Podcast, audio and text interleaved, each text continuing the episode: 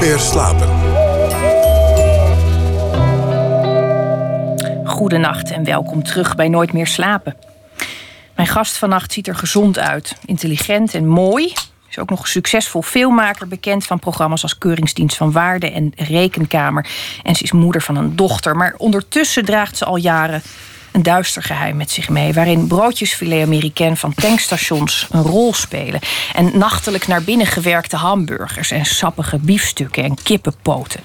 Marijn Frank, want daar gaat het over, is vleesverslaafd. En dat terwijl ze heus wel weet dat het voor dierenwelzijn, milieu en gezondheid... beter zou zijn om te matigen of zelfs te stoppen. In haar film Vleesverlangen, die deze week in première ging op het ITVA... gaat ze op zoek naar manieren om zichzelf te begrijpen en bij te sturen. Of moet ik zeggen, af te kicken. Marijn. Hallo. Welkom. Dankjewel. Hoe ontdekt een verslaafde... Wat een schitterende intro, sorry. Ja. ja. Dankjewel.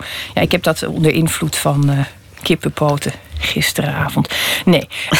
um, wat ik me gelijk afvroeg toen ik het woord vleesverslaafde hoorde... Vind, daar vond ik van alles van. Ik herkende er ook van alles van. Maar ik vroeg me vooral af... Hoe ontdekt een verslaafde dat hij verslaafd is? Want de meeste mensen die floreren dan in hardnekkig ontkennen. Ja, nou ja, ik was natuurlijk al heel lang uh, bezig met van dat vlees afkomen. En dat lukte alsmaar niet. En wat ik raar vond daaraan zelf is dat ik eigenlijk best wel gedisciplineerd ben op heel veel gebieden. Met werken, met sporten en eten, weet ik veel wat. Nou ja, eten dus niet trouwens. Uh, maar dat ik dacht, hoe kan het nou dat ik niet kan stoppen? Is dat een gebrek aan discipline of is er toch meer aan de hand? En uh, toen ben ik dus naar een verslavingsprofessor gegaan. En die zei van, nou, we kunnen wel een soort uh, onderzoek met jou doen... wat we normaal ook bij alcoholisten doen of gokkers... om vast te stellen of ze inderdaad verslaafd zijn. En uh, dus die hebben dat onderzoek voor mij samengesteld... maar dan met vleesplaatjes... in plaats van bijvoorbeeld plaatjes van bier of fruitautomaten. En toen bleek dus inderdaad dat ik ja, verslaafd ben. Het is een wonderlijke zelfdiagnose die je dan gedaan hebt. Waren zij verbaasd dat dat echt zo was? Ja, hun mond viel open van verbazing. Want ze hadden nog nooit een vrouw gezien. Nee. Een man ook niet. Ze hadden gewoon nog nooit van iemand gehoord die verslaafd is aan vlees. En toen ik ook met hun met dit, naar hun toe kwam met dit probleem... toen waren ze best wel sceptisch. Van ja, we kunnen dat wel doen. En als dat leuk is voor je film... dan willen we je best een keer in zo'n scanner duwen. Maar zij verwachten er eigenlijk niks van. Dus toen deze ja, uitkomst kwam... toen ze met die analyses kwamen van mijn hersenen... ja, zij waren echt flabbergasted. En uh, ja, ze werden er helemaal jolig van. Ze hadden ja... Ja, maar hoe werkt het? Je kunt dit niet faken. Hè? Je bedoel, je gaat nee. een scanner in en je krijgt plaatjes te zien, uh, onder andere van vlees. Ja. En ze kijken welke gebieden in de hersenen oplichten. Je kunt dat ja. dus echt niet bijsturen zelf. Nee, je kan er dus niks aan doen. Dus je ligt gewoon en dan zie je dus plaatjes van vlees en plaatjes van seks wisselen elkaar af. En dan kijken ze dus ja, wat er in je beloningsgebied, uh, in een bepaald gebied van je hersenen gebeurt. En die lichten bij mij dus heviger op bij het zien van de plaatjes van vlees dan bij het zien van de plaatjes van seks. En dat duidt er dus op dat je dan verslaafd bent. Wonderlijke, ja. wonderlijke toestand. Je wist toen je daar uh, kwam natuurlijk al dat je die film wilde gaan maken. Wanneer uh, kwam het punt dat je besefte... god, die worsteling die ik nu heb al jaren met vlees eten... daar zit een film in? Um, nou, kijk, ik, ik wilde al heel lang inderdaad een film maken over vlees. Uh, niet per se over mijn eigen worsteling, maar gewoon over het onderwerp. Omdat ik het, ja, ik vind het al heel lang een belangrijk onderwerp. En, uh, maar ik kon steeds niet een, goede, ja, een goed haakje vinden. Want het is ook een heel groot onderwerp. Je hebt zoveel aspecten. Inderdaad, milieu, gezondheid. En uh, ook dus inderdaad dierenwelzijn. En er zijn heel veel meningen over. En heel veel feiten en onderzoek en noem maar op. En um, op een gegeven moment werd dus mijn dochter geboren. Oh, sorry, ik moet een beetje boerig van het biertje. Maar toen um, moest ik dus voor haar beslissen of ze ook uh, wel of geen, uh, of ik haar wel of geen vlees ging geven. En dat was toen eigenlijk een soort van de drijfveer van, nou dan ga ik nu voor eens en voor altijd uitzoeken of ik nou wel of geen vlees moet eten. En toen dacht ik, ja, dit is een goed moment om die film te maken. Je besloot haar geen vlees te geven. Mm -hmm. Ja. En toen vervolgens zat je zelf aan tafel uh, met je gehaktballen en je, en je braadworsten. Ja, ja, dat leverde wel best wel veel spanning op ook tussen mij en mijn uh, vriend. Want wat vond hij er dan van? Want hij is de vader en hij zit ook met die braadworsten en naar dat zielige meisje zonder. Uh, ja. Nou ja, zielig. Je hebt hele lekkere vleesvervangers natuurlijk. Ja, die kreeg ze dan wel en zo. Maar het was. nee, dat leverde heel veel spanning op tussen ons. Want hij Dat zoiets van ja, het slaat nergens op dat wij vlees eten en dat zij er naar wijst en er naar vraagt en niks krijgt. Dus ehm, en dat, ik wist ook wel dat het een onhoudbare situatie was, maar hij duurde ook steeds langer, omdat we dus om geld bij elkaar te krijgen voor die film, die financiering duurde veel langer dan verwacht. Dus het probleem werd ook alsmaar groter. En hij zei van ja, volgende maand ga ik er vlees geven. Want zei ik, nee, wacht nou, die uitslag van dat fonds die komt dan. Dus houd nog even een paar maanden vol. En uh, ja, tot echt tot, uh, ja, daar hebben we echt best wel serieus ruzie over gehad. Toen zijn we naar de huisarts gegaan. En toen zei die van, nou, het maakt echt niet zoveel uit nu die paar maanden. Dus wacht nog maar even. En dat, uh, ja, daar heb ik toen heel veel aan gehad. Anders was het ook nog een bescheiding uitgelopen. Ja, ja dat dan had je daar weer een film over moeten maken. Over scheiden door vlees. ja. Was trouwens op zich ook prachtig geworden, ja, denk inderdaad. ik. Ja, hey, je, je gaat dat, dat probleem eigenlijk te lijf op een aantal manieren. Wat zijn de, uh, de, de, de de wendingen die je neemt om dat bij te sturen voor jezelf? Ja, nou ja, ik ga dus eerst in therapie. Want um, nou, het was ook iets waar die uh, professor mee kwam. Wat ze dus alcoholisten aanraden. En uh, is dan, als je er van af wil komen, is verslavingstherapie. Dus dat ben ik gaan doen. En uh, ik ben ook, ja, ik dacht ook van, ik moet confrontatie aangaan met wat ik nou eigenlijk echt doe. En dat is toch het doden van het dier. Dus ik heb een, gezocht naar een stage in het slachthuis. Zes weken stage gaan lopen. En toen zijn we echt van het uitsnijden en het uitbenen... He, tot het ingewanden eruit halen... en dan toewerken naar het zelf schieten van een koe. Dat was het doel van die stage. Je zegt het nu heel rustig, maar er moet een moment zijn geweest... waarop je besloot, goed, ik ga uh, twee dingen in ieder geval doen. Ik ga in therapie en ik ga een koe doodmaken. Ik kan me voorstellen dat dat niet een beslissing is die... Uh, want ik bedoel, dit is niet iets wat je zomaar mag. Je komt niet ergens binnenlopen. Nee. Je krijgt een. Nou ja, je mag aan de slag. Dit is, dit is echt. Dit, ja. Nee, dat, is heel, uh, dat was ook heel erg moeilijk. Daar heb ik echt heel veel moeite voor gedaan. Want ik wilde in eerste instantie eigenlijk in een groter slachthuis filmen. Gewoon hè, wat, het gewone vlees wat de je praktijk, in de supermarkt de alledaagse, koopt. Ja. Precies, de grootste aantallen ook waar dat vandaan komt. Maar uh, nee, dus dat was heel erg lastig en uiteindelijk kwam ik dus bij deze man. Ik had al een keer met hem gefilmd voor de Keuringsdienst van Waarde. Ik vond het echt een toffe peer. Dus ik dacht, nou dan bel ik hem maar. En toen mocht dat. Uh, hij was echt de enige die openheid wilde een geven. kleine slachterij, hè? Ja, een kleine biologische slachterij. Ze slachten maar één dag in de week. En dan slachten ze 15 koeien, 20 varkens en 20 schapen, zoiets. Nou, dat is echt heel weinig als je ziet hoe dat uh, in een groot slachthuis gaat. Um, ja, en die wilde mij wel op sleeptouw nemen. Dus uh, ja, daar begon het avontuur eigenlijk. En hoe zagen je dagen er dan uit? Ging je echt, was je dag in dag uit bezig met slachthuis en therapie? Nee, we plannen dat altijd dan op maandag was dan altijd het slachten. En dan ging ik op woensdag uh, in therapie. En dan deden we nog ergens woensdagochtend een interview met een van die andere mensen die dan in de film zitten. Um, maar zo zagen mijn weken er wel uit, uh, een tijd lang inderdaad. En dat viel wel heel erg tegen. Want ja, ik had het allemaal zo bedacht van tevoren. Van, uh, nou, geinig, ga ik in een slachthuis werken en in therapie, leuk en aardig. Had ik nooit gedaan. Ik geloofde daar ook helemaal niet in eigenlijk. Um, maar goed, ik raakte heel erg overstuur van dat werk in het slachthuis. Dat viel me heel erg tegen. Ik zal het eerste keer kijken naar toen zo'n koe geschoten werd. Uh, ja, moest ik best wel van janken. En uh, ja, daar heb ik echt nog lang, nachten wakker van gelegen. En dan ook die therapie. Ja, die, die therapeut zei: Ik wil wel meewerken aan je film, maar ik wil niet een soort van acteur worden. Dus we gaan wel gewoon een therapie doen.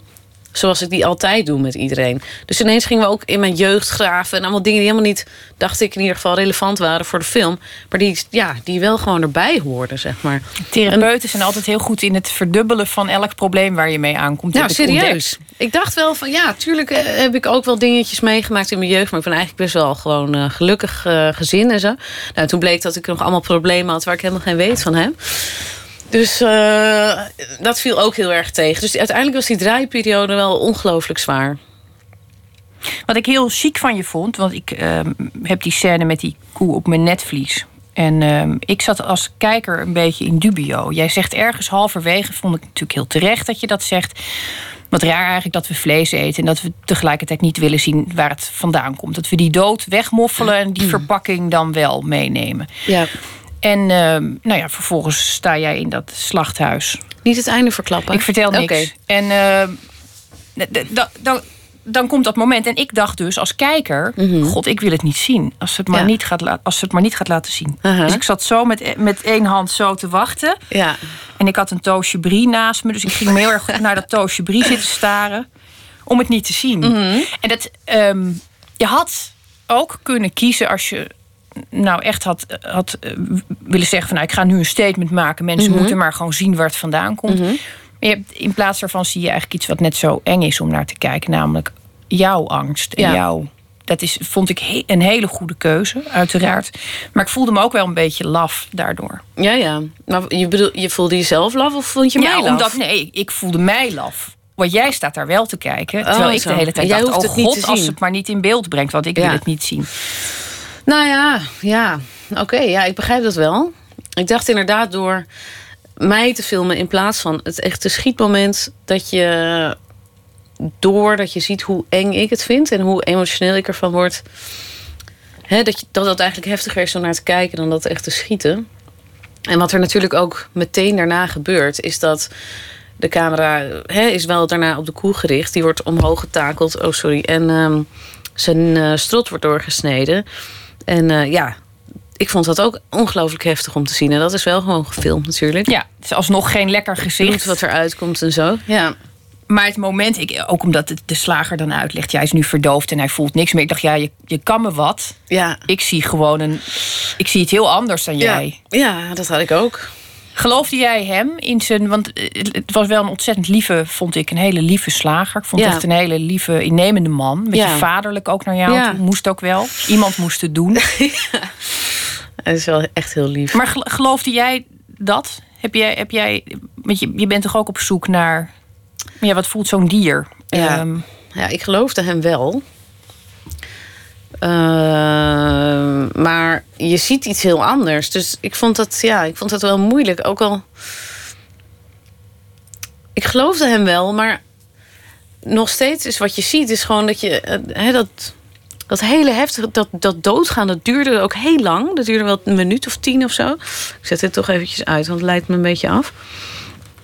Ehm, dus ik geloofde het wel, maar ik voelde het niet. Want je ziet gewoon zo'n spartelend dier. En er kwamen ook allemaal heftige geluiden. Het beest begint soort van te brullen.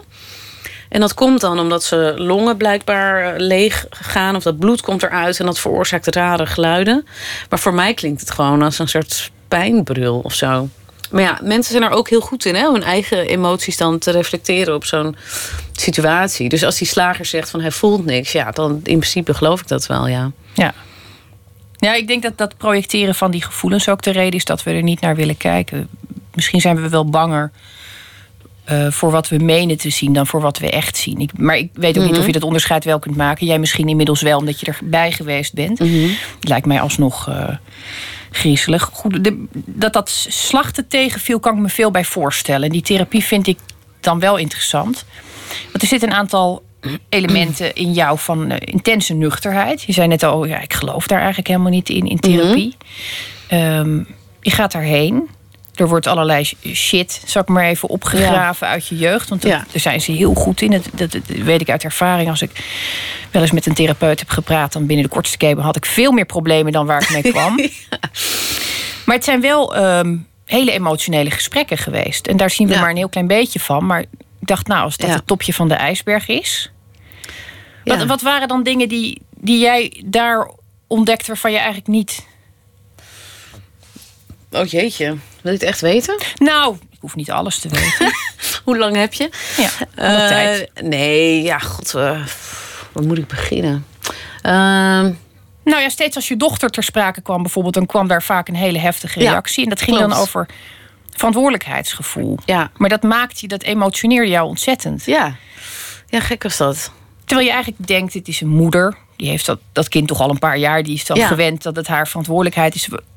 Er zat een hele heftige reactie op. Ja, ik weet niet. eh, ja, ik ervaar dat moederschap gewoon als iets heel eh, zwaars in die zin. Als een hele grote verantwoordelijkheid.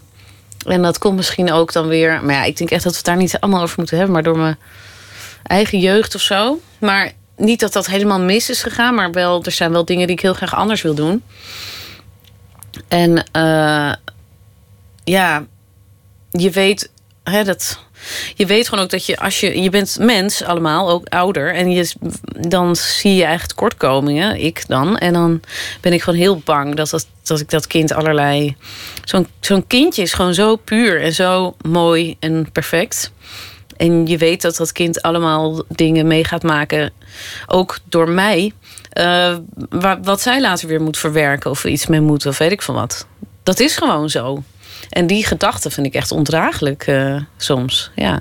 Nee, ik kan me voorstellen dat het besef bij jou sterk is, omdat je van begin af aan je eerste film ging over je familie, ging ook heel erg over hoe je gevormd wordt ja. door, uh, door wat er gebeurt. En ook hoeveel waarheden er naast elkaar bestaan, zoals dat in ieder gezin is. Um, ja, dat je zus zegt, nou, vind ik, heb ik helemaal nooit zo gezien. Of je moeder zegt, nou, dat was echt niet zo. Ja. Of, ik kan me voorstellen als je dat als, je dat als filmmaker. Dat is, dat is een van de thema's waar je eigenlijk steeds weer naar terugkeert. Wat, wat is daarvan waar? En uh, wat, wat, kun je daarvan in beeld brengen? Wat blijft altijd buiten beeld? Dat je dat besef naar je dochter toe ook sterker voelt. Dat alles wat jij doet vormt haar. Mm -hmm. En alles wat jij laat vormt haar. En je weet, je kan het niet overdoen. Ja, ja. Dat is best eng natuurlijk. Ja, toch? Ja. Heb je ook kinderen of niet? Ja. ja. Nee, ja, inderdaad. ja. Uh, ja, nee, dat is eng, maar het was niet echt een vraag, toch? Of nee. Wel? Nee, precies. Het ja. was meer iets wat, was wat een ik, constatering. Wat ik bedacht ineens. Ja. Terwijl ik naar je gezicht zit te kijken en zie wat er allemaal gebeurt. ja. Denk ik ineens, dat, daar, daar gaat het dan al ongeveer over. Die, um, die therapie en dat slachthuis, dat loopt dus een hele tijd parallel. Mm -hmm. Je gaat ook op bezoek bij een um, kok. En er zitten meer scènes in de film die prachtig zijn. En uh, eigenlijk heel, ja, heel, heel onverwacht in een documentaire opduiken. Mm -hmm. Droomachtige beelden. Ja. En, um, de vleesdromen noem ik ze. Vleesdromen, ja. ja. Heb, had je die ook echt? Of is het, is het ook een manier om, om, om iets te vertellen wat, er bij, wat bij vlees hoort, maar wat zich meestal in, in je hoofd afspeelt? Nee, die had ik wel echt. Ja. Ik had niet elke droom letterlijk hoor. Maar die droom met die kok, die had ik bijvoorbeeld wel. ja, nee, die had ik wel. En, die, en ik had ook heel veel zin om dat te gaan verfilmen. Ja, misschien moeten we even uitleggen wat de droom met de kok oh, ja. is. Want anders, mensen die de Ja. film nog niet gezien hebben, die. Precies. Nou, ik had dus een fantasie. En uh, ik had namelijk een kok ontmoet. En uh, die was best wel sexy. Uh, en ik ging bij hem eten een keer. En toen zag ik hem en toen dacht ik van... oh, wat is dit voor een sexy man? Die wil ik nog een keer zien. Dus toen ging ik hem vertellen dat ik een film aan het maken was. Research, bla, bla, bla. Nou ja, anyway. toen bleek hij ook nog een goed verhaal over vlees te hebben. En toen, dacht, ja, toen zat ik gewoon een beetje over hem te fantaseren. Dat hij dan... Want koks die kunnen altijd zo heel lekker in vlees wrijven en knijpen. En met zout en pekelen. En ja, dat is gewoon zo'n soort hele intense massage. Dus ineens zag ik dan mezelf daar wel onder zijn handen liggen. Die, die grote kokshanden met kleinere beschadigingen. En dat hij mij dan pekelt, zeg maar. Ja, dus dat hebben we ook verfilmd in vleesverlangen. Nou, ik vond het een fantastische scène. Ook omdat je een aantal keren in de film wel aantipt. Dat er natuurlijk een hele sterke relatie is tussen seks en vlees. Je zegt op een gegeven moment: ik ging met een man uit en die at een biefstuk. En toen dacht ik, ja, dat is ook zo. Ik heb wel eens een man, daar had ik nog mijn twijfels over. Tot ik hem een broodje carpaccio zag eten. En zo dat vlees zag scheuren.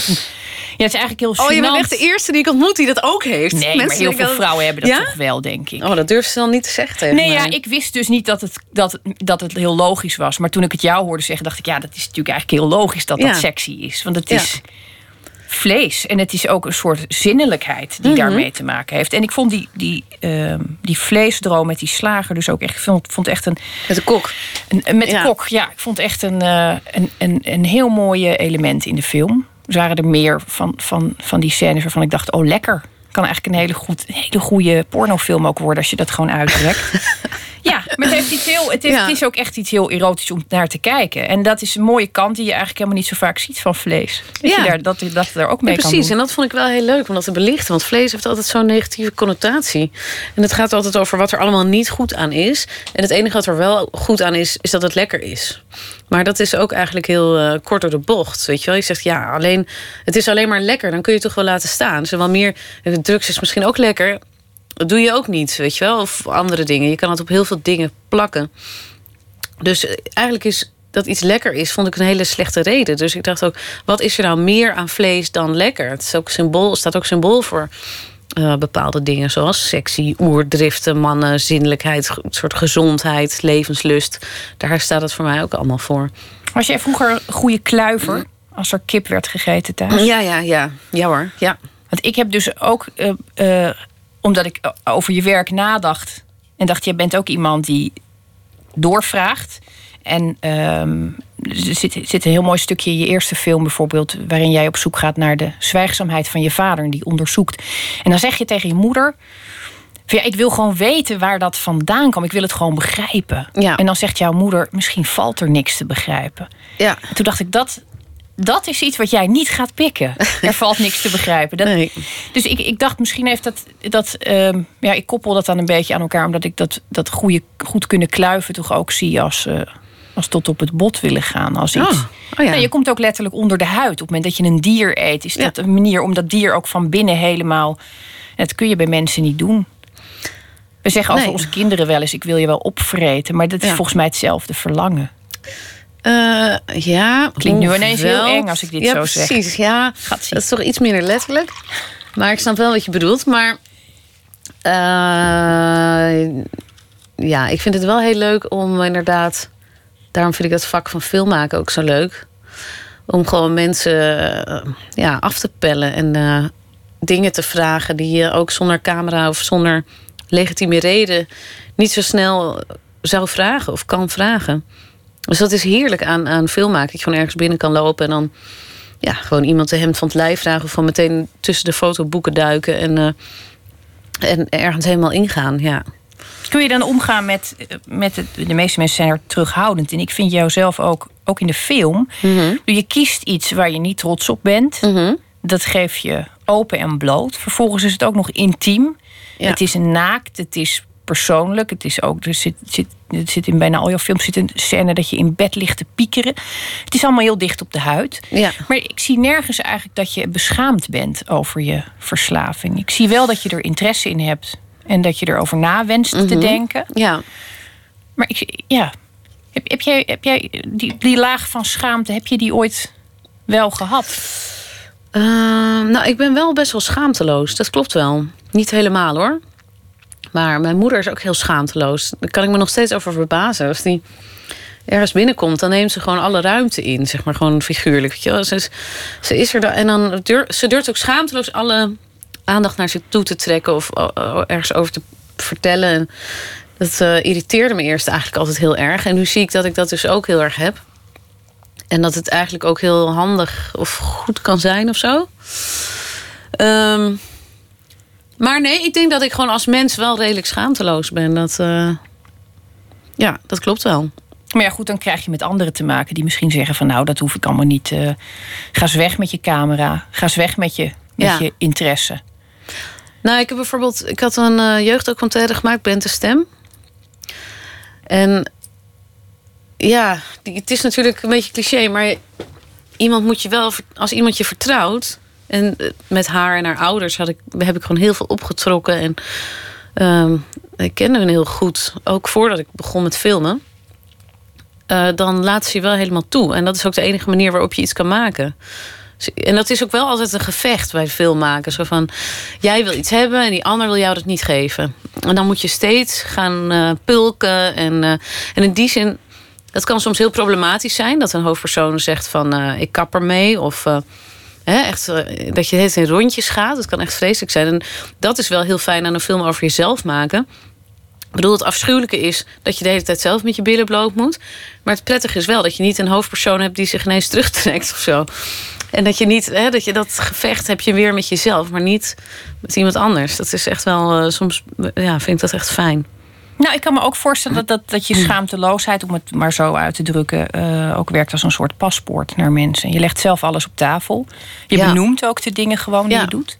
Net ook. Je laat een boer, omdat je, omdat je een biertje zit te drinken... en je zegt, oh, sorry, ik laat een boer. Dat, Ja. ja, er zijn ook mensen die denken, oh god, ik laat een Ik heb boer. een boertje gelaten, ja. Ja. Maar do- doordat je zelf alles op tafel legt, wordt het ook ontspannen. Misschien dat Ja. ik daarom ook de film keek en dacht... oh, die vrouw vindt het ook sexy, een man met een biefstuk. Wat raar Ja. dat we dat niet allemaal gewoon zeggen. Want ik weet zeker dat heel veel mensen dat ook sexy vinden. Maar dat hoor je niet uit te drukken. En jij, bij jou komt die vraag misschien niet eens op... mag ik dat wel zeggen? Nee. Nee, Dat- nee, zeker in die therapie niet. Daar was gewoon alles moet gezegd kunnen worden. En er was ook echt de afspraak, ook met de crew. Ik had altijd dezelfde paar mensen bij me daar.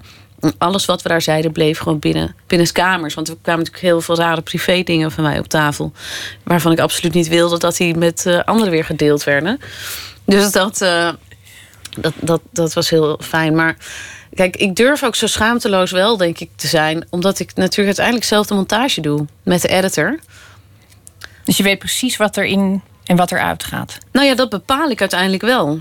Dus als ik eh, iets echt niet goed vind of echt niet eh, vind kunnen of wat dan ook, dan kan, kan heb ik in ieder geval ben ik zelf bij machten om te zeggen van dat komt er niet in. Ik zou bijvoorbeeld nooit een ander een film over mij laten maken, echt nooit. Want ja, iemand vertelt zijn verhaal bijna meer dan mijn verhaal. Maar je doet het. Bedoel, je, je vraagt je in het begin van de film af: eh, moet ik mijn dochter wel vlees laten eten? Maar je- dan heb je jezelf ook vroeg of laat de vraag moeten stellen: wordt mijn dochter onderdeel van een film? Of heb je Ja. daar. Nee, daar heb ik zeker. Nee, maar eigenlijk was mijn dochter echt de reden om die film te gaan maken. Dus ik wist vanaf het begin dat zij eigenlijk de stuwende kracht is van de film. Dus dat ze er ook in zou komen. Ja, En dat is ook een keuze die je, die je zeg maar, voor haar maakt, zonder dat ze daar direct eh, iets Ja. over kan zeggen. Het, is, het wordt ook een onderwerp, natuurlijk, een deel. ja. Overigens, ongelooflijk lief, charmant stemmetje ook. Ja, dat Sally mag niet geen vlees. mag niet geen vlees. Ja. Ja. Nee, dat klopt. Maar dat is volgens mij gewoon de pech. Als je partner bent of kind bent van iemand die films maakt, dan ben je gewoon de lul. Dan wordt alles. Dan wordt alles gewoon gefilmd. Of je dat nou leuk vindt of niet. Ik heb natuurlijk wel, bijvoorbeeld, mijn man zit natuurlijk ook in de film. En die heb ik hem wel laten zien, eh, uiteraard. Voordat hij ook af was, zodat er ook nog aan gemonteerd kon worden. Maar die was heel blij hiermee. Want ik had eigenlijk. Hij zit er namelijk helemaal niet zoveel in. Ik had wel veel meer met hem gedraaid. Maar voor deze film, eigenlijk vlak na de academie, had ik ook een kort filmpje gemaakt. Dat heette Mobieltje. En ik was in die tijd ongelooflijk jaloers. We hadden nog niet zo lang verkering. En ehm, eh, ja, ik kon er niet tegen als hij met zijn mobiel zat te spelen. Of als hij dan s'nachts een sms'je kreeg. Dan werd ik echt helemaal gek in mijn hoofd. Dus ik had de neiging om hem te controleren. Dus in dat filmpje eh, heb ik het soort van tien etiketten voor relaties en sms'en of appen inmiddels eh, ehm, ja, samengesteld. En daar zat hij natuurlijk helemaal in. Dus dat vond hij echt afschuwelijk. Eh, dus wat dat betreft viel vleesverlangen voor hem dan al heel erg mee. Ja, hij heeft het inderdaad erger meegemaakt. Nou ja, ook in die film stel je natuurlijk een, een probleem centraal wat je zelf hebt, maar wat tegelijkertijd veel breder is. Het is Ja. niet alleen maar jouw jaloezie. Het gaat over heel veel mensen. Het gaat ook over wat je van een relatie verwacht en, en, ehm, en hoopt. Ja. Hey, ehm, de film is deze week in première gegaan. We gaan het natuurlijk niet hebben over de afloop. Dat zou gewoon zonde zijn. Ja. Ehm, maar wat ik wel wil vragen aan je, dan houden we het redelijk neutraal. Is het, is het geworden wat je gehoopt had dat het zou worden? Ehm, de uitkomst is er eentje die ik van tevoren niet eh, heb kunnen bedenken. Eh, maar ik ben er heel erg blij mee. Ja, ik ben eh, in ieder geval in peace met mijn vlees-eetgedrag. Dus dat, dat is goed, denk ik. En het is voor de wereld ook beter en voor de dieren. Dus ja, Nou. ik ben er blij mee. Ik, eh, ik zou zeggen, ga hem allemaal kijken. Alleen, al is het alleen maar voor die fantastische scène met het eh, gepekelde achterwerk. Dankjewel dat je er was, Marijn Frank. Ja, bedankt ook. Straks na het nieuws gaan we verder met het tweede uur van Nooit meer slapen. Dan leest Don Duins voor het laatst een beschouwing bij het nieuws. En Simon van den Berg praat ons bij over het laatste nieuws in de theaterwereld. Dat en meer straks na het nieuws van 1 uur.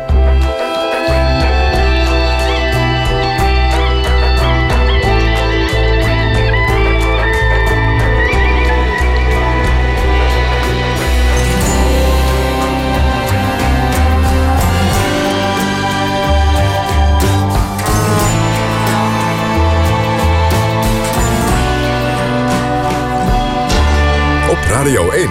Het nieuws van alle kanten.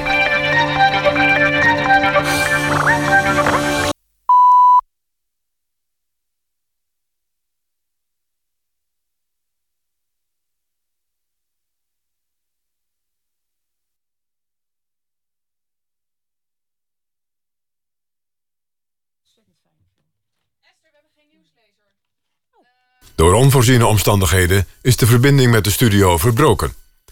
We zijn bezig het contact te herstellen. Blijf op Radio 1 afgestemd. We houden u op de hoogte.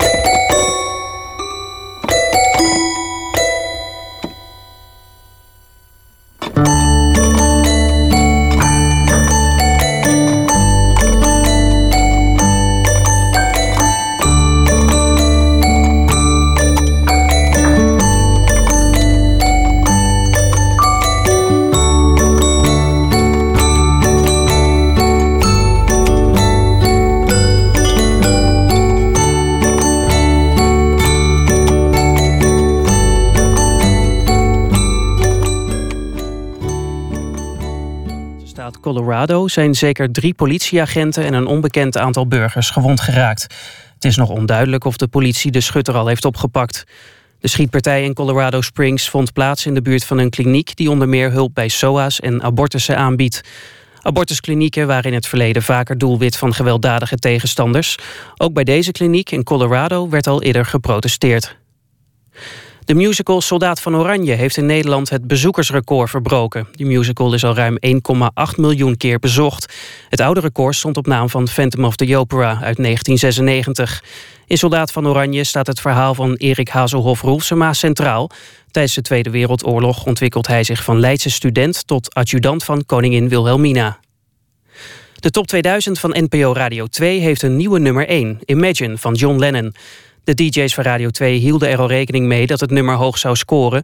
Een pianist speelde Imagine bij het Bataclan Theater in Parijs... de dag na de aanslagen.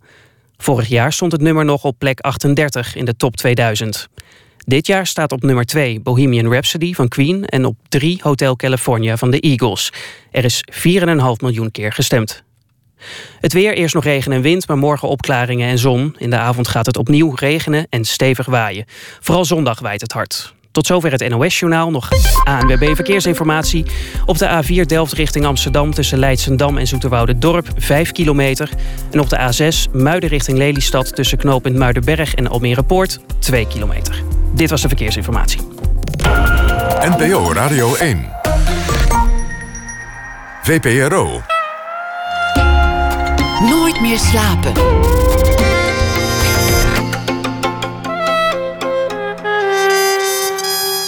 Met Esther Naomi Perquin.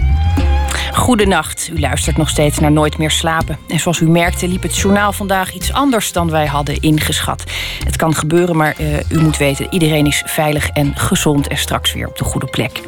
Wij hadden Marijn Frank te gast en ik ga nog even vermelden... dat de film waar we het over hadden, Vleesverlangen... vanaf 3 december in de bioscoop te zien zal zijn.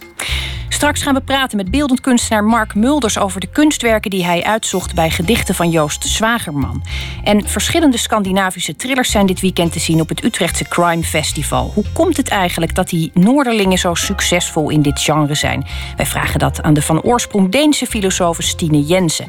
Maar we beginnen dit uur met een dichter of schrijver die iets schrijft over de voorbije dag. En deze week doen we dat zeer tot ons genoegen met Don Duins. Hij studeerde theaterwetenschappen en was verantwoordelijk voor toneelstukken als Snorro en Groeten uit Den Ilp. En we hebben hem deze hele week al mogen horen. Don, goedenacht. Is Don er wel? Misschien is Don uh, op de gang beland met de journaallezer.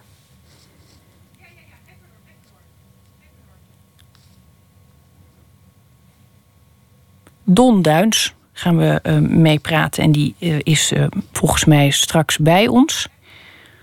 Deze week verscheen ook zijn nieuwe verhalenbundel Het lelijkste meisje van de klas.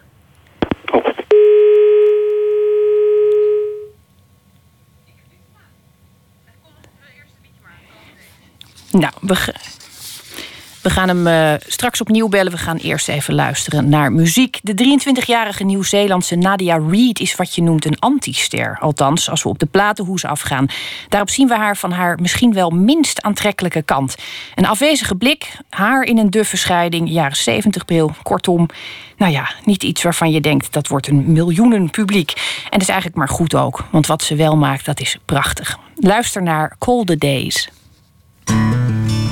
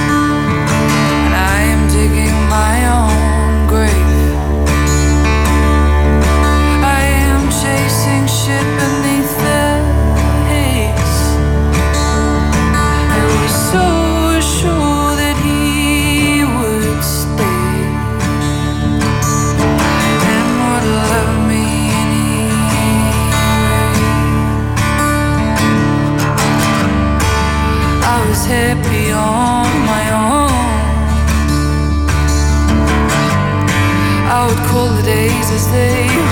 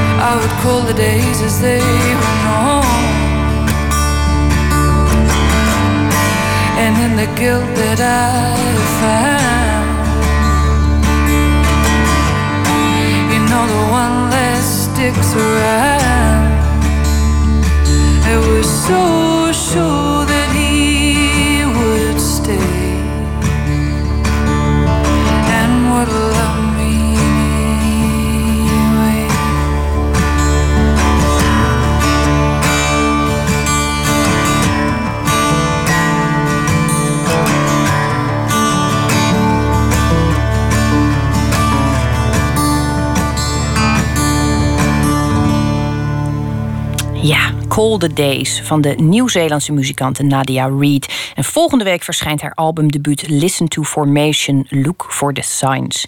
En we probeerden net contact te krijgen met Don Duins, onze gastschrijver deze week. Don, ben je er? Nu ben ik er, zeker. Ik was er net ook al, maar... Uh, maar alles, ging hier, alles ging hier anders dan we hadden gedacht. Als het journaal ja, niet meer functioneert, dan houdt het helemaal op. Don. Dat ganse radenwerk stil. Ja, nou zo gaat het inderdaad. Fijn dat je er nu bent, Don. En uh, dat je deze week uh, prachtige bijdrage hebt geleverd. Waar bleef je oog vandaag aan hangen? Ja, het was een beetje een gekke dag, want ik had ook mijn boekuitreiking... maar daar ga ik het verder niet over hebben. Maar ik heb wel net iets meegemaakt, dus ga ik nu voorlezen. Graag. Het heet Eerbetoon. Het heet Eerbetoon en ja, um, hier komt het. Ik hou niet van documentaires. Laat ik dat wat nuanceren. Ik hou meer van fictie. Het kan mij niet verzonnen genoeg. Er zijn mensen die zeggen... de werkelijkheid is vreemder dan wat je kunt verzinnen. Tot die mensen hoor ik niet. Toch heb ik me vanavond door mijn wederhelft mee laten tronen naar het ITVA, het International Documentary Festival in Amsterdam. Het festival ook waar je soms een halve depressie oploopt omdat je allerlei films ziet over oorlogsmisdaden, verkrachtingen en de totale vernietiging van de visstand. Maar vanavond zag ik iets prachtigs. De film heette A Strange Love Affair with Ego en is gemaakt door Esther Gould. Ik moet er meteen bij zeggen dat ik deze maakster ken. Toen ik jaren geleden deel, uitmaakte van het theatercollectief Growing Up in Public... was Esther als regieassistente bij enkele producties betrokken. Het viel me toen al op hoe goed en serieus ze haar werk deed. De jaren erna verloor ik Esther uit het oog... maar ik wist dat ze research deed voor documentairemaakster Hedy Honigman. De documentaire die ik net van haar zag gaat over haar zus, Rowan. Maar tegelijk gaat de film over veel meer... Via een aantal vrouwen, in leeftijd variërend, krijgen we een scherp beeld van een menstype dat iedereen goed kent. De narcist, de zelfverliefde, de persoon die altijd in het middelpunt van de belangstelling wil staan. In de documentaire zijn het eerst een jong meisje dat zichzelf gorgeous vindt, een Londense vrouw die van het leven één groot zelfvierend feest maakt, een Amerikaanse vrouw die in L.A. als G. Geisha de opvoeding van haar kind en haar bestaan als modegoeroe probeert te combineren en tot slot een Nederlandse jonge vrouw die bejaarde maaltijden brengt, maar vooral bezig is zichzelf bij nacht en ontijd te filmen en te fotograferen. Bij die laatste vrouw zie je ook de droeve tegenkant van narcisme. Ze vertelt zich niet zo goed te voelen omdat ze die nacht tot half zes in haar eentje een feestje heeft gevierd, waarbij ze wel voortdurend appjes en foto's de wereld in heeft gestuurd van hoe leuk ze het heeft. Dat laatste is voor mij als Facebook-verslaafde behoorlijk herkenbaar. Het werpt de vraag op hoeveel aandacht heeft iemand eigenlijk nodig? En hoe gezond is dat? Een psychiater legt het in de overigens schitterend gefilmde docu helder uit.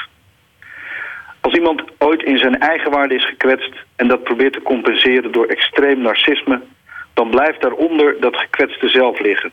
De grote taak is dan, al dus de psychiater, om op een gezond, evenwichtig zelfbeeld uit te komen. De zus van Esther Gold, die we afgezien van een enkele foto in de documentaire niet zien, is dat niet gelukt. Ze springt van flinke hoogte naar beneden, zelf noemt ze dat de fall, en breekt 14 botten. De rollen zijn nu omgedraaid tussen de vertelster en het onderwerp. De stille zus, die altijd de extraverte had willen zijn, de Fiat tegenover de Ferrari. Het leven wordt voor de wilde Rowan nooit meer hetzelfde. Twee jaar later springt ze opnieuw en, zo staat in een sobere tekst in beeld, This time no miracle happened. Aangedaan door de film liepen mijn vrouw en ik richting uitgang. In de deuropening stond in het halfduister een jonge vrouw. Ik begreep meteen dat dit Esther was, de regisseur. Ik pakte haar arm, zoende haar op beide wangen... en besefte toen pas dat dit alles in het donker wat vreemd overkwam. Ik ben Don, fluisterde ik. Wat een prachtige film. Ik moet nu gaan, moet nog een verhaal voor de radio schrijven. Esther nooit makkelijk van haar stuk te brengen, stak haar duim op en zei thanks. Thuis begon ik meteen te typen aan het verhaal over deze mooie documentaire. Zei ik al dat ik van documentaires hou? En dat was het verhaal dat u zojuist hoorde. Don, dank je wel. En passant kwam je, kwam je Facebook-verslaving ook even langs... en je boekpresentatie vandaag. Als je ergens uh, gedwongen bent tot een beetje narcisme... is het wel tijdens een boekpresentatie, dacht ik ineens. Ja, maar ik weet het wel aardig te verpakken in een soort, nou ja, dat zei die een soort zelfverachting. Dan ga ik het hebben over hoe dik en oud ik eigenlijk ben en hoe fijn het is dat de uitgeverij het nog met mij aandurft in deze tijd.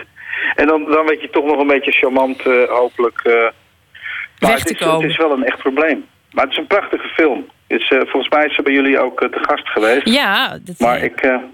Je hoeft mij niet te overtuigen. ik denk, maar als je me had moeten overtuigen, Don, dan was het je nu gelukt. Oh, dat is fijn. Zo is Want het, het ook was, alweer. Het was echt het oude journalistieke handwerk tot op twee minuten voor de uitzending ging de printer pas aan. Dus dat is spannend. Nou, en toen heerlijk. hadden we ook nog geen verbinding.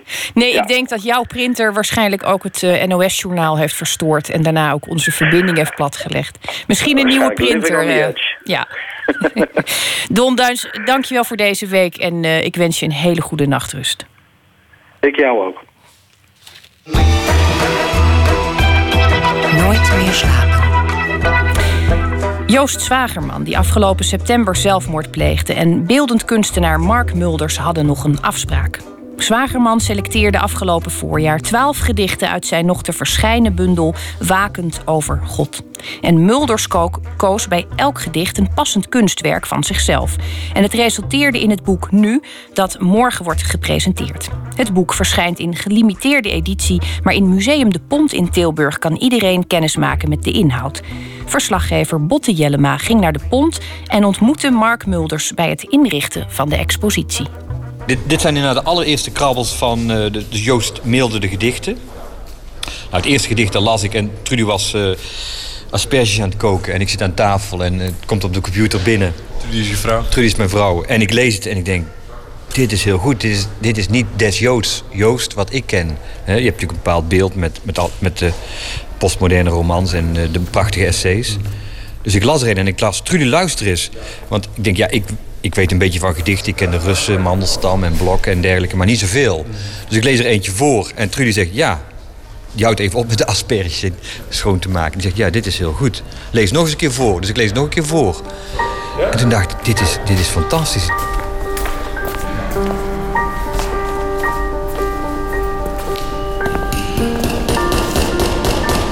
Concentreert zich natuurlijk op uh, de tentoonstelling, op de, de, het, het, boek dat als een, ja. als een kunstwerk uh, gepresenteerd wordt. Omdat het nou helemaal niet voor iedereen in, in, in te zien is meer, hè, omdat er maar een beperkte oplage is. Ja. Dat was eigenlijk de eerste aanleiding. Hendrik Driessen van uh, de Pont, directeur van de Pont, moeten we even bijzeggen. En ik was bij het gesprek, de ontmoeting, de fysieke moment hier waar, waarop Mark en Joost dit bespraken. En, hier in de kantine, hè? U wees het net, wees het net aan achter in het hoekje, daar hebben jullie samen gezeten. Met, met de rug naar het publiek. en, en, en, Joost wordt natuurlijk continu uh, anders herkend en uh, gevraagd ja, om. Wereld draait door effect. Ja, de wereld draait door effect. Dus dan, dan ga je, ging Joost automatisch een beetje uh, verborgen zitten, zal ik maar zeggen.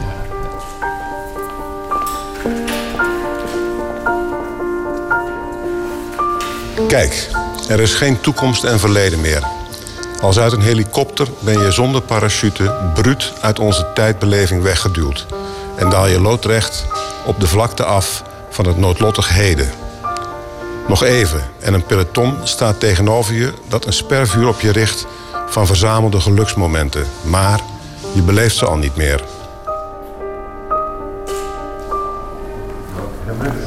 In april dan uh, belt uh, Joost met zijn uitgever van... nou, er, er, komt een nieuwe bundel aan. Die komt er ook aan in 2016. Ja.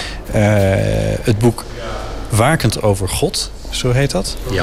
En daar heeft hij twaalf gedichten uitgeselecteerd. En hij wilde dat jij bij die gedichten... Um, een illustratie zou illustratie maken. Nou, ja, maken of... Nou, dat, dat heb je niet gedaan uiteindelijk. Dat heb ik inderdaad niet nee. gedaan. Maar hij vroeg inderdaad, wil je die uh, gedichten voorzien van uh, een beeld, een illustratie. Ja. En nou, dat vond ik, was ik natuurlijk uh, doorgegrepen, vond ik heel eervol. Nou, dus en toen ben ik de gedichten gaan lezen, herlezen, lezen, herlezen. erbij gaan tekenen, erbij gaan wandelen. Uh, het laten rijpen. En ik was zeer uh, gegrepen. Ik heb hem vrij snel teruggemaild van... maar Joost, weet je wel wat je hebt gedaan? Dit is toch wel heel erg bijzonder. Dit gaat uh, heel diep. En het is, uh, het is ook een bepaalde diepgang op een charmante manier. En met charmant bedoel ik... ehm, het is niet een uh, hoogdravende of hoogmoedige zoektocht, uh, al dan niet hermetisch of filosofisch gekleurd naar God. Er zit gewoon een klokhuiskwinkslag in, kun je bijna zeggen. Dus ik was zeer gegrepen. Je bent al vastgenageld in het allerlaatste vacuümgezogen déjà vu. Dat grijnzend naar het niets verwijst. Je leven trekt niet als een film aan je voorbij. Nooit was je in of van die film. Altijd was je de afwezige afwezige. Iets of iemand zoomt in op het eeuwigdurend nu. Niets ben je. Je hoort nergens bij.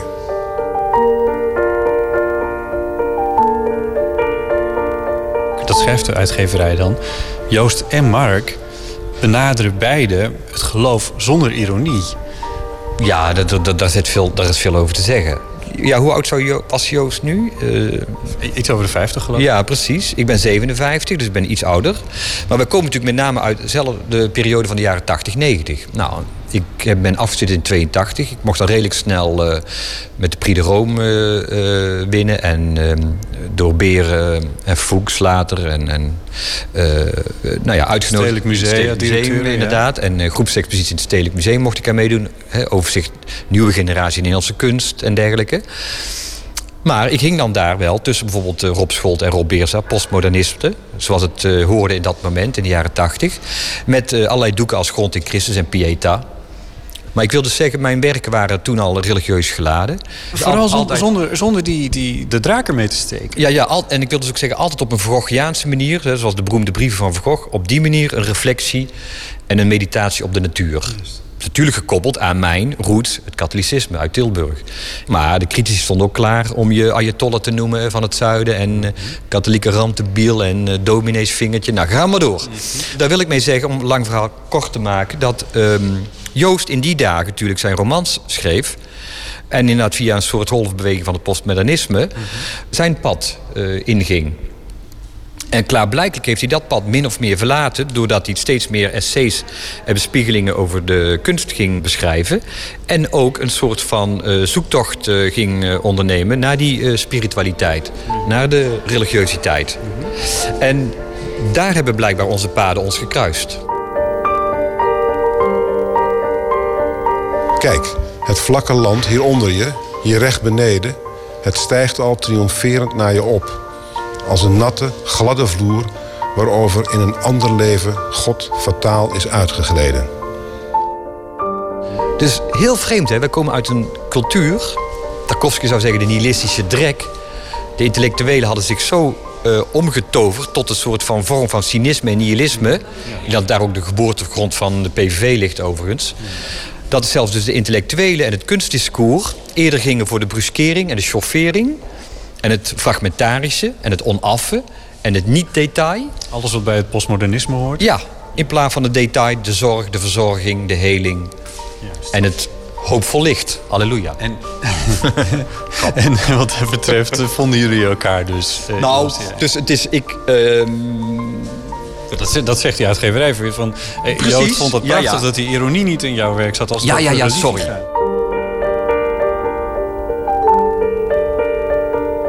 Nou vat ik het even heel snel samen. Jullie hebben daar verder over gesproken. Je hebt eigen werk geselecteerd. Uh, daar had je het concept van naar, naar, Joost gemaild. Of de uitgeverij had het concept naar Joost gemaild. Eh, dat was in uh, augustus.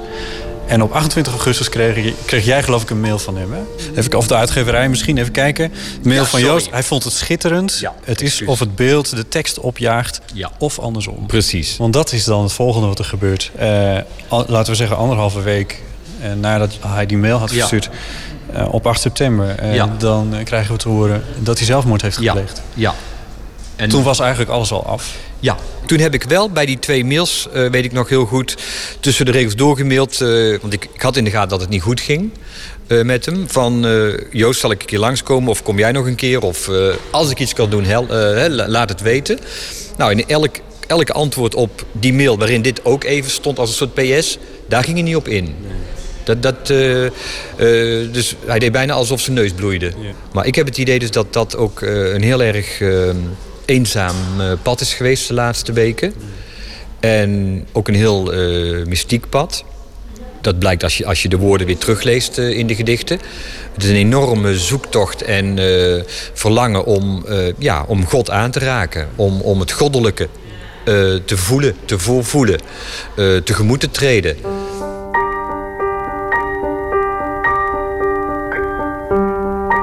Ik sta, ik sta ook een beetje op een automaat nu natuurlijk, onerbiedig gezegd. Ook gisteren met het inrichten. Het is een weerwaar van emoties en, en van verdriet. De ontmoeting was al groot dus voor, voor mij en met hem. En, en groot en inspirerend en dankbaar. Dan is het te groot dat hij ineens dag zegt. En nu is het heel groot dat ik met zo'n prachtige erfenis en zo'n enorm uh, rijke, genereuze gift aan uh, mooie klanken, juist in deze kale tijden, dat hij zulke genereuze en, en inspirerende woorden en uh, melodieën uh, de maatschappij injaagt. dat, dat, dat, dat hij dat tegelijkertijd heeft gedaan met een uit zichzelf terugtreden van de woorden en van ons allemaal. En dat is heel groot en ja, toch bizar. Kijk, het heden. Zet een beulskap op en komt als in een Formule 1-race brullend op je afgereden. Nog één ronde die toekomst nog verleden kent. En dan het virulente vlaggen bij de finish. De winnaar is al residu. Je bent uit het al zijn gegleden. Je moment is hier. Het moment is nu. U hoorde Hendrik Driessen, directeur van Museum de Pont. Hij las het gedicht Nu van Joost Zwagerman. Dit is een van de twaalf gedichten die verschijnen in het boek Nu... met kunstwerken van Mark Mulders. En die hoorde u ook in deze reportage. Het boek verschijnt in gelimiteerde, gelimiteerde editie en is al eigenlijk al uitverkocht. Maar u kunt de gedichten en kunstwerken tot 13 maart nog zien in Museum de Pont in Tilburg. Charlemagne, dat is de titel van een nieuw mini-album van Blossoms. Een vijfmansformatie uit Manchester. En daarvan is dit For Evelyn.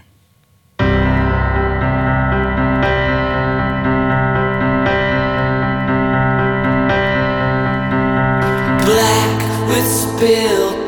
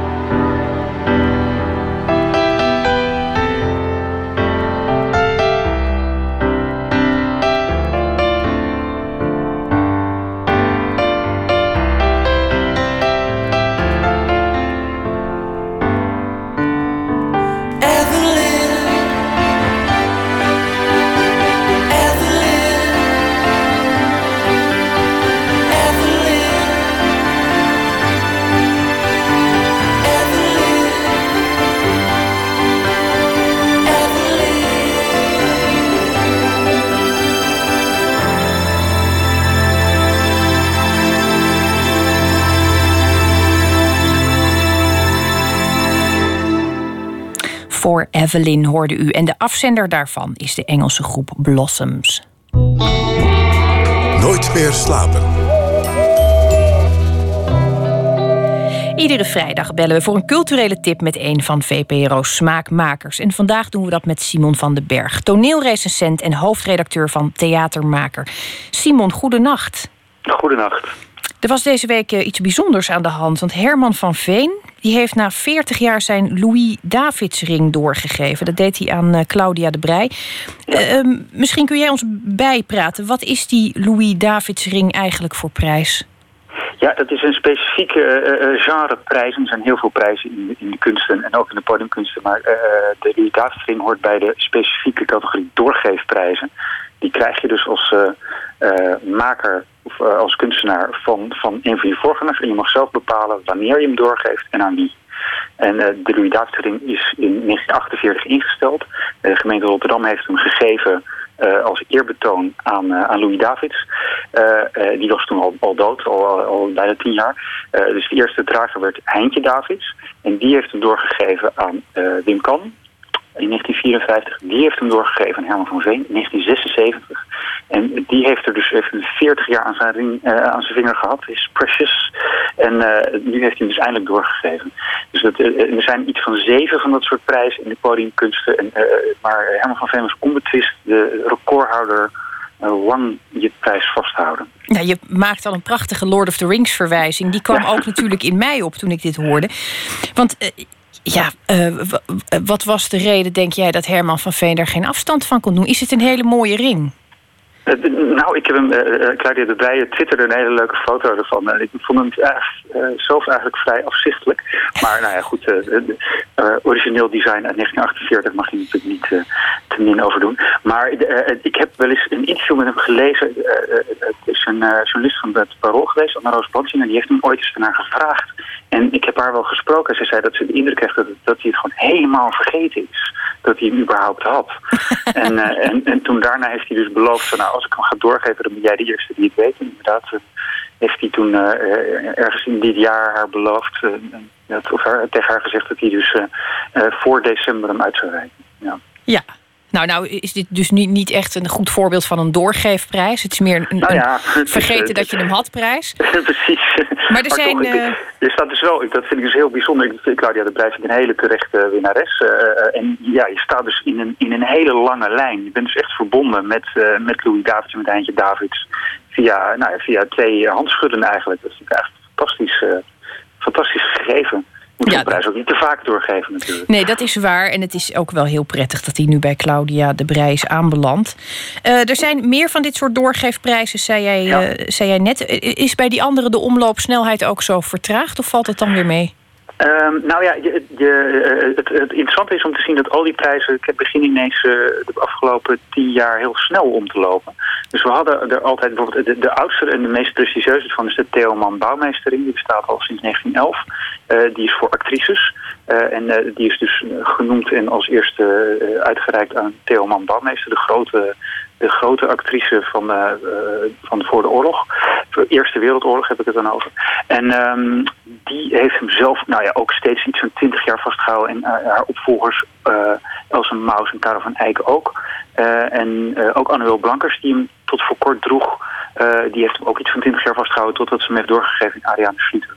Want het kan nog erger dan, dan zoals bij Herman van Veen die hem na 40 jaar uitreikt. Je kan ook overlijden zonder dat je hem hebt doorgegeven. Dat is gebeurd bij Else Maus, die in 59 overleed en die prijs niet had doorgegeven. Dus dan is een speciale commissie uh, in het leven geroepen om te kijken naar, naar wie uh, zou die dan moeten. En daar is toen Caro van Eyck uitgekomen. Dus zo is die, de, de, de lijn toch nog uh, hersteld. Maar ja, zij zelf vond niemand waardig genoeg om aan door te geven. Tjee. Ja. Nou, het is het wel ook een goed pleidooi om te zorgen... als je nou in zo'n estafette meeloopt... dat je dan nog voor je sterft even het stokje handig... In ieder geval je testament zet, toch? Ja, dat lijkt me, dat lijkt me een goede backup. Ja. Um, Simon, laten we het even over, uh, over theater gaan hebben. Want uh, dit, dit is natuurlijk een randverschijnsel... wat er ook heel erg toe doet. Maar um, jij hebt vast ook mooie dingen gezien. Ja, ik heb een paar uh, interessante voorstellingen gezien de afgelopen week. Ik was eigenlijk wel geporteerd van de voorstelling Glazen Speelgoed van Toneel op Amsterdam. Die uh, vorige week zondag in première ging. En um, dat is, dat is een, een beetje een raar stuk van Tennessee Williams. Zijn eerste stuk, vrij autobiografisch. gaat over een, een, een gezin uh, een beetje dus een vaderloos gezin en met een, met een moeder die zich overal bij bemoeit. Die, die gaat tegen de volwassen kinderen zeggen hoe ze moeten eten en hoe ze koffie moeten drinken en wat ze met hun leven moeten aanvangen. En dat ze toch echt eens aan een man moeten tegen de zus. En dat, dat die, haar zoon toch maar eens een beetje een beter baatje moet verzinnen. Terwijl die zoon in een heel naargeestig magazijn werkt om maar dat gezin te onderhouden. Die moeder werkt niet en die zus, daar is iets mee. Die, die loopt mank. Die is heel verlegen en eigenlijk een beetje een beetje raar introvert meisje. En het stuk gaat erover wat er gebeurt als dan die moeder heeft gedacht, nou, dat, dat meisje moet aan de man en daar, gaan we voor zorgen. En dan wordt een vriend van de zoon uitgenodigd om een keer te komen eten. En um, uh, nou ja, de, problemen ontstaan. En dat wordt vrij snel afgewikkeld. Maar wat heel mooi is in het stuk, is dat die, die moeder, dat is, dat is echt een verschrikkelijke heks. Die wordt ongelooflijk krap en geestig gespeeld door Chris Nietveld. Dat is echt zo'n zo'n personage die net uitvergroot is wat je, wat je je voorstelt bij, bij de ergste eigenschappen van je bemoeizuchtige moeder of bemoeizuchtige moeder van, van je vrienden. En, en die hele tijd net iets te snel en niet iets te veel praten en maar, en, eh, en, en maar te veel bewegen en iets te krom lopen. En het is echt zo'n ongelooflijk mooie rol om naar te kijken en je ergert je wilt. Ook omdat die voorstelling maar heel lang nergens naartoe lijkt te gaan. Dat het alleen maar een beetje, een beetje een soort sitcom is geworden. En dan halverwege dat diner uh, valt in het verhaal het licht uit. Dan hebben ze, ze hebben de elektra niet betaald en dan wordt het uitgeschakeld. En wat die, wat die regisseur, dat is een jonge Amerikaanse regisseur... die door Ivo van Hoven, de artistiek leider, is uitgenodigd... om bij het Amsterdam gastregie te doen. Die laat ook gewoon in hele scharbe licht uitgaan. En de volgende scènes worden gespeeld bij kaarslicht. Dus echt bij kaarslicht. Ik heb nog zitten kijken, er is echt helemaal niks bij. En dat is ongelooflijk mooi. Ineens dat, dat hele irritante van die, eerste, van, die, van die eerste scènes, dat wordt dan ineens heel intiem. En dan gaat het ineens niet meer over die moeder en die zoon die de hele tijd maar kibbelen. Dan gaat het ineens over dat meisje, over die dochter.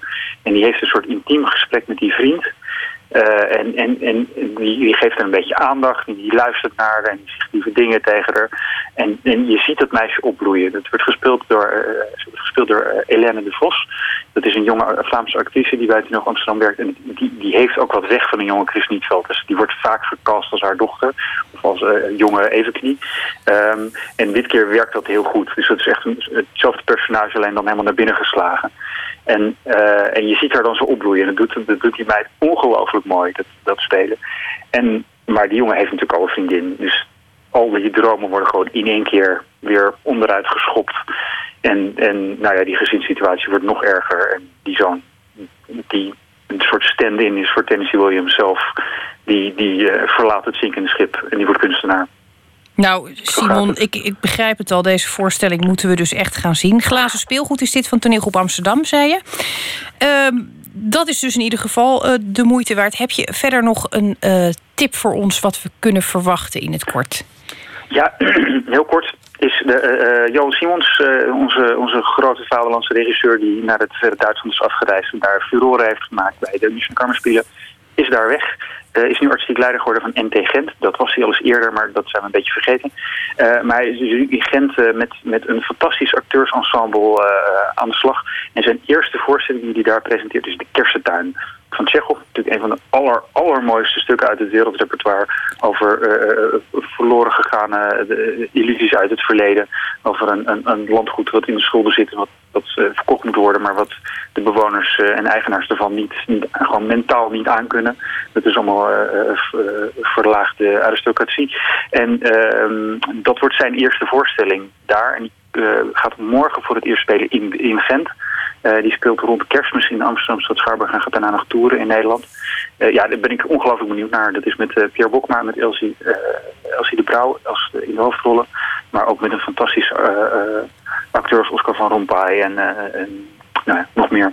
Dat, dat is iets waar ik heel erg benieuwd naar ben. Nou, we zetten hem samen met jou in ieder geval in ons balboekje, Simon. Dank je wel voor je tips. Graag gedaan en goede nacht. Ja, jij ook. En voor meer informatie over de besproken onderwerpen kunt u natuurlijk eh, even kijken op theaterkrant.nl. Gladys Knight is een Amerikaanse soulzangeres die al in de vroege jaren 60 faam verwierf met haar band The Pips. Hier hoort u ze met Help Me Make It Through the Night, een cover van Chris Christopherson. I'm imagining a lot of happy people. And most of you are with someone you love. Well, you are the lucky ones. All over the world, there are lots of people who are alone tonight. I imagine most of us have been in that situation at some time or another. I know I have. Recently, I heard a most beautiful song with a dynamic lyric that really expresses this feeling of loneliness. It means a lot to me personally, and I'd like to share it with you. I think you'll see what I mean. Take the ribbon from my hair.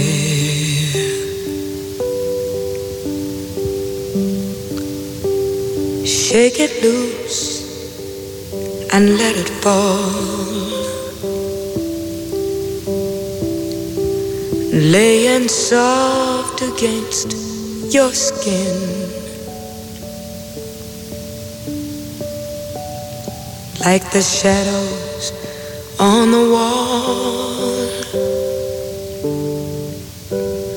Come and lay down by my side.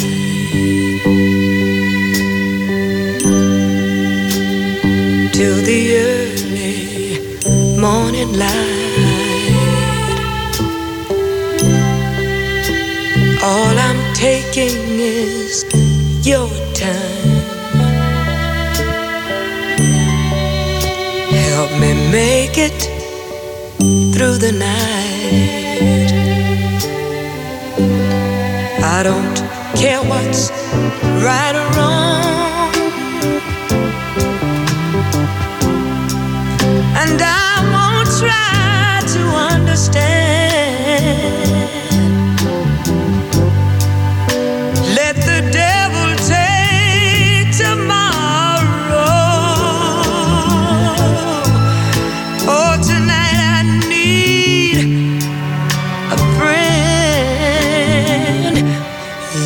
Yesterday is dead and gone. And tomorrow's out of sight. And it's so sad to be alone. Help me make it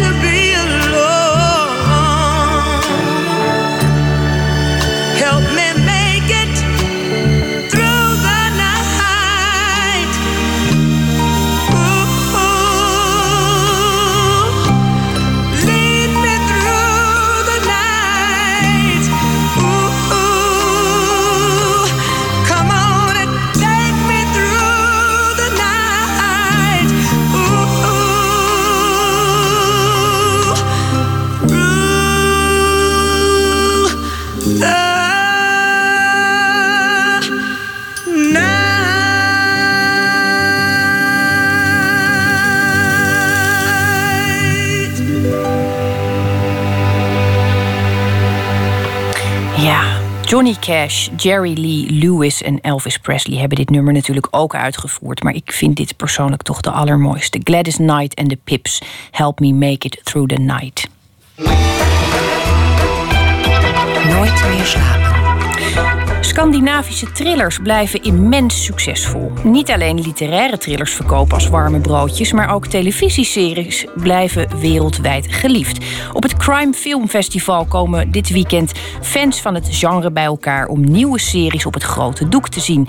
Zo gaat bijvoorbeeld The Bridge deel 3 in première en zijn er delen van de nieuwe serie Follow the Money te zien. De van oorsprong Deense schrijver en filosoof Stine Jensen presenteert het festival en Emmy Collau spreekt met haar over wat de Scandinavische thriller zo bijzonder maakt. Er komen eigenlijk fans naartoe van, van, van Scandinavian Crime. En dat is natuurlijk een enorme booming business. En dat is het al een hele tijd. Ehm, en, en, en daar zitten de, de diehard fans zitten daar. Die willen weten wat gaat er aankomen, wat is er nieuw, wat gebeurt er. En jij bent ook zo'n diehard fan? Nou, ik vind het wel heel leuk. Ja, ik ben, ja, ik ben wel fan. Stine Jensen presenteert het Crime Film Festival al een aantal jaar met veel plezier. Ze trekt er zelfs een speciale trui voor uit de kast. Het is ook ieder jaar voor mij een excuus om mijn uh, Sarah Loent trui uit de kast te trekken. Die erg duur was en uh, van fareuze schaapjes uh, gemaakt is. De trui van Sarah Loent, die is dus wereldberoemd. Dat is niet omdat het een heel bijzonder uitziende trui is. Het is zo'n typisch Scandinavische wollen trui met ingebreid sneeuwvlokkenmotief. Nee, hij is alleen maar bijzonder omdat Sarah Lund, de hoofdpersoon uit de killing, hem eeuwig en altijd draagt. Het is af på at stikke af met Larsen. Lund, vi har fundet ammunition. De rol van Lund is geen standaard vrouwenrol. Ze heeft niks weg van verleidelijke vrouwelijke detectives zoals je die ziet in Amerikaanse series als Crime Scene Investigations. Haar haar zit immer slordig, ze draagt geen make-up. Op humor is ze niet echt vaak te betrappen en ze spreekt slechts in korte afgemeten zinnetjes. Of liever nog helemaal niet. Fra alle sider, han kan ikke komme væk. Få folk derud. Jeg kører derud nu. Toch moet je als kijker wel van haar houden. Misschien wel omdat ze zo onbedaarlijk slim is. Ze werd ook een soort prototype van de Scandinavische uh, detective, zou je kunnen zeggen. De nieuwe vrouw in de Scandinavische serie. Een, een, workaholic met moeite met relaties. Soms wel of niet met een kind. Maar die eigenlijk uh, enorm veel passie heeft voor het oplossen van crimes. En dat allemaal doet in die Scandinavische landschappen vol, vol sneeuw en bossen en duistere uh, uithoeken. Maar wat maakt die Scandinavische krimis nou zo goed? Ja, ik denk een van die sterke punten van die Scandinavische series is vaak die sterke vrouwenrollen. Dat er toch iets leuks meestal gebeurt met, met gender. Dus die, die, die vrouwen zijn enorm krachtig. Ze worden hier zelfs voor autistisch versleten of, of nurks, die vrouwen, of workaholic. Uh, en die mannen zijn vaak wat, wat softer. Die, uh, die, die, die uh, lossen breiend een moord op. Of die komen erachter doordat ze staan te koken hoe dat eigenlijk zit. En dat, dat, dat, dat heeft iets heel leuks. dat, dat blijft iets verrassends houden om naar te kijken. Voor rechtsmedicinska. Kalle Anke saknade sitt hjärta. Waarom? Hon saknade sitt hjärta. Waar ik van kan genieten is dat je heel veel natuurlijk ook meekrijgt van Scandinavië via die thrillers. En ze zijn vaak maatschappelijk betrokken. Bijvoorbeeld in de, het nieuwe seizoen van The Bridge gaat het heel erg over gender. Het is heel fascinerend hoe, hoe er een verhaal ingeweven is over seksengelijkheid in Zweden. Wat, wat tot een aantal moorden leidt. En, dat, is, nou, en dat, dat zie je meer in die series. En dat maakt ze, vind ik, heel interessant. En denk ook dat, wat, dat ze heel mooi zijn vormgegeven vaak. Als je kijkt hoeveel zorg en liefde eruit gaat naar vormgeving. Bijvoorbeeld in de serie, ja, je zag het in de Killing heel goed, maar ook in de Bridge, hoe je heel mooi vaak een, een via het beeld ook iets meekrijgt over de verhouding van individu tot systeem. Uh, dat, dat maakt ze soms een beetje filosofisch. Van wat is het kwaad? Wat is mijn rol als individuutje in een corrupt systeem? Hoeveel ruimte heb je als individu om goed te blijven als iedereen om je heen iets anders doet, het verkeerde doet. Uh, dus in hoeverre ben je eigenlijk wel een individuutje dat autonoom kan beslissen wat hij wil doen. En hoe verklaar je dat dan? Ik denk dat, die, dat dat vaak in de Scandinavian crime zit, omdat dat hele, uh, omdat de samenleving eigenlijk eentje is die heel erg leunt op de overheid. Hè. Het, zijn, um, het, het, is, het is het systeem waarin ze leven. Uh, je betaalt enorm veel belasting. Uh, je, je bent in die zin erg veel meer onderdeel van een gemeenschap dan een individu. Ehm, tegelijkertijd ben je ook weer heel erg individualistisch en materialistisch. Dus er zit een soort spanning in. Uh, het is enerzijds ieder voor zichzelf, maar anderzijds ben je zeer duidelijk onderdeel van een gemeenschap. Um, dus het zijn bijna, ja, je zou het bijna niet zeggen, maar het zijn bijna een soort, bijna een soort communisme. Het zit er een beetje in, in die zin. Hè? De, de gemeenschap voor alles. En dan pas komt het individu. Alleen in de praktijk werkt het natuurlijk niet altijd zo.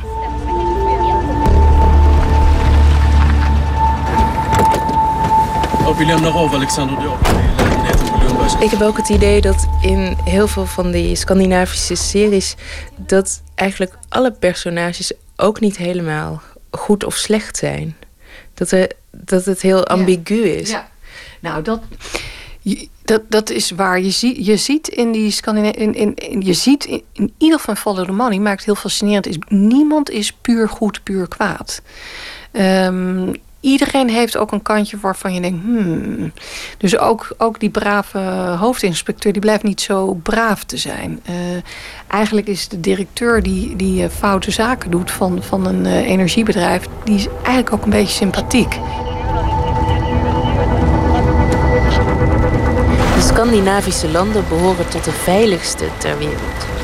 Er worden waarschijnlijk dan ook meer moorden op tv gepleegd dan in de werkelijkheid. Denemarken, Zweden, Noorwegen en Finland staan daarnaast alle vier in de top 10 van landen met de gelukkigste bevolking ter wereld. Als je de statistieken gelooft dan tenminste. Ja, nou, ze slikken ook de meeste antidepressiva, voor zover ik weet. Dus die statistieken die neem ik zelf altijd met een, een beetje met een korreltje zout. Maar als je geluk definieert als veiligheid, dan, dan scoren ze erg eh, hoog inderdaad op dat soort indexen. Je zou ook kunnen zeggen dat, dat het relatief goed gaat in Scandinavië. Hè, Veilig eh, landen, eh, veel welvaart. En dat maakt dat ze al, al, al dit soort fantasieën in hun crime kwijt kunnen. Dus dat het meer een soort eh, uitlaatklep is, al die crime. Omdat er toch ergens nog ja, duistere fantasieën zijn. Of omdat het zo vreselijk koud is daar. Hè, het is daar gewoon heel koud. Is het natuurlijk ook zo dat je daar. Je hebt daar ook heel veel mysterie wat dat betreft. Hè. Er, is, er is heel veel landschap waarin je niet precies weet wat er misschien allemaal gebeurt. Heel veel plekken in het bos waar je een lijk zou kunnen verstoppen, zou je kunnen zeggen. In Denemarken wonen 5,5 miljoen mensen. In Zweden bijna 10. Maar hoe kan het toch dat die Scandinavische landen met zo'n kleine bevolking en zo'n klein taalgebied internationaal zo goed scoren op het gebied van televisieseries? Oh yeah, now I'm going to watch The Killing, darling. I got the box set. I watch The Killing a night. You know, it's a foreign thing. You're actually watching something with subtitles? Yes. Zelfs Edina in Absolutely Fabulous is een groot fan. Although actually, I think Danish is pretty easy to pick up. You know. Go on then. Oh. Wel hör dat trullt när vi spelar den här på den andra klassen. Joke in Danish, that's why you laughing. Er gaat veel geld in om. Er is ook veel budget eh, beschikbaar. Ik geloof dat een aflevering van eh, één aflevering van The Bridge, dat daar eh, eh, 1 miljoen euro, dat bedrag heb ik wel eens eh, gehoord, voor beschikbaar is. Dat is ontzettend veel. Ehm, en hoe dat kan is, nou ja, voor een deel weet ze goed hun productiepartners eh, uit te zoeken. Er zit veel Duits geld in, ZDF. Ik, eh, ik geloof dat die- de Scandinavian Crime ook heel erg Duits is als je, gaat, als je follow the money echt toe gaat passen. Eh, maar daarnaast denk ik dat ze een aantal dingen ook heel erg belangrijk en serieus nemen in de Scandinavische landen. Het vak van scenario schrijven. Ik denk dat, er weinig, eh, dat we weinig Nederlandse scenaristen kennen, bij naam zouden kunnen noemen. Hè. Wie heeft Hollands Hoop geschreven? Dat misschien nog net. Maar, maar verder dat we dat lastig vinden. Maar dat we wel weten dat bijvoorbeeld eh, Adam Pries eh, scenarist was bij Borgen. Dus die scenaristen hebben daar ook een go- goede status. En dat wordt vrij serieus genomen. Dus, dus daar wordt cultuur en media. Dat wordt goed ehm, gesubsidieerd, zou je kunnen zeggen. Goed ondersteund ook, door de overheid ook. Die series zijn nu wereldwijd zo succesvol dat ik me voor kan stellen dat geld daarin ook steeds belangrijker wordt. Ze worden steeds duurder. En als dingen duurder worden, dan wordt een commercieel succes ook belangrijker. Want Ja. dan moet dat terugverdiend worden. Zie je ergens een ontwikkeling daarin dat misschien verhalen toch makkelijker behapbaar worden of dat er eh, minder nurkse vrouwen in voorkomen? Nou ja, we, ik, ik denk dat het. Het heeft ook te maken natuurlijk inmiddels met de bekendheid van het genre. Dus je ziet ook wel dat, dat makers ook wanhopig op, op zoek gaan naar hoe kunnen we dit nog vernieuwen. En zie je, zie je een soort combinaties van, van kostuumdrama plus crime. En ik betrapte mijzelf er ook wel op dat, dat, dat ja, we hebben veel gezien nu. Dus je, je bent veel gewend. Dus je denkt, oh ja, 17 minuten lijk. Oh ja, de laatste vijf minuten van de aflevering gaan in. Nu moet er wat gebeuren. En nu hoor je het muziekje ook eh, wordt ingestart. En, eh, en soms lukt het nog steeds heel goed om je bij de lurf te grijpen. En soms denk je, oh ja, nee, dit, is, dit zit er net naast of eh, dit ken ik wel.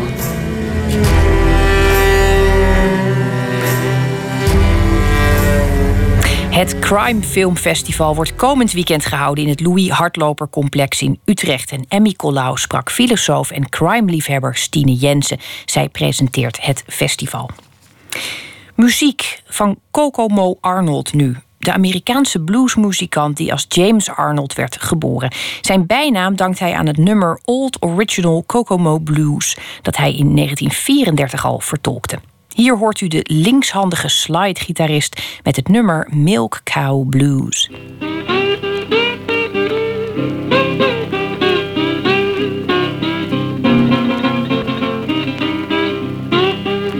Darling, good morning.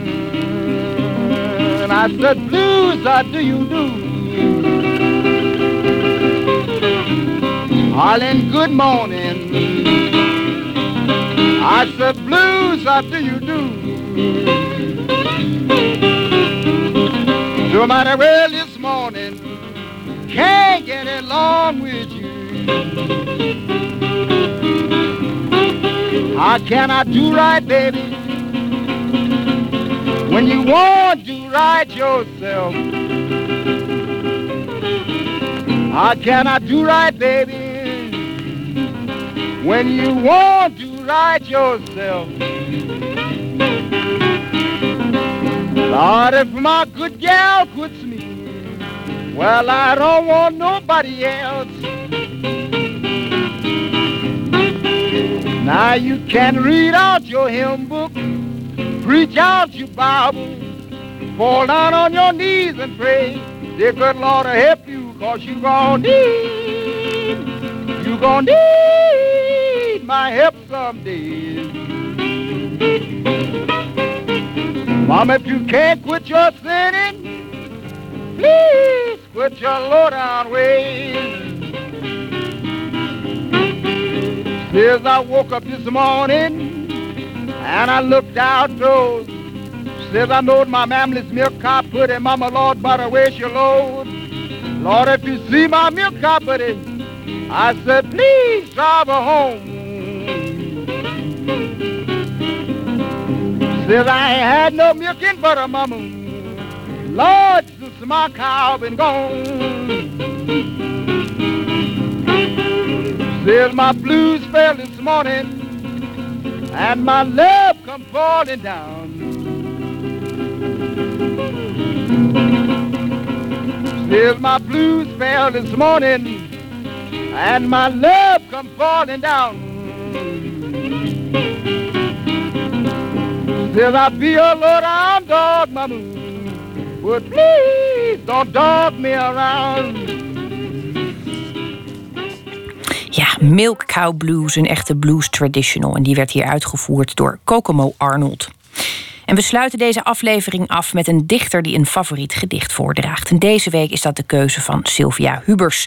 Ze schreef inmiddels vijf dichtbundels. Ik kan ze ontzettend aanbevelen. En onlangs verscheen er ook nog een verzameling korte verhalen onder de titel Hier moet ik ingrijpen.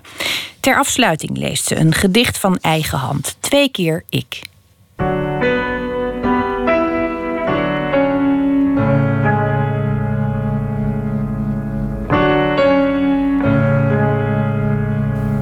Een proza-gedicht van mijzelf. Uh, uit de zo pas verschenen bundel Hier moet ik ingrijpen. Met kort, zeer kort proza. Ik lees daaruit twee keer ik.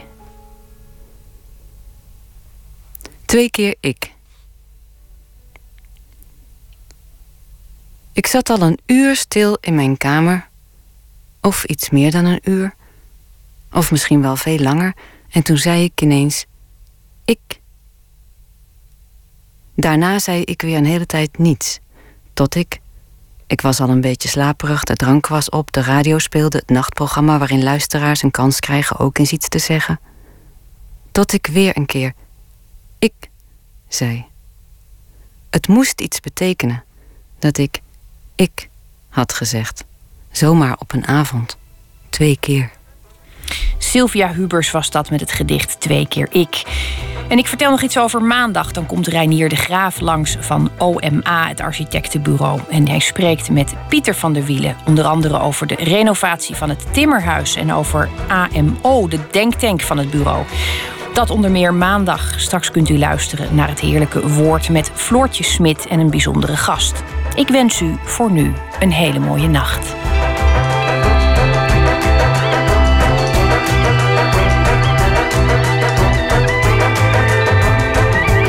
Dit was een programma van de VPRO.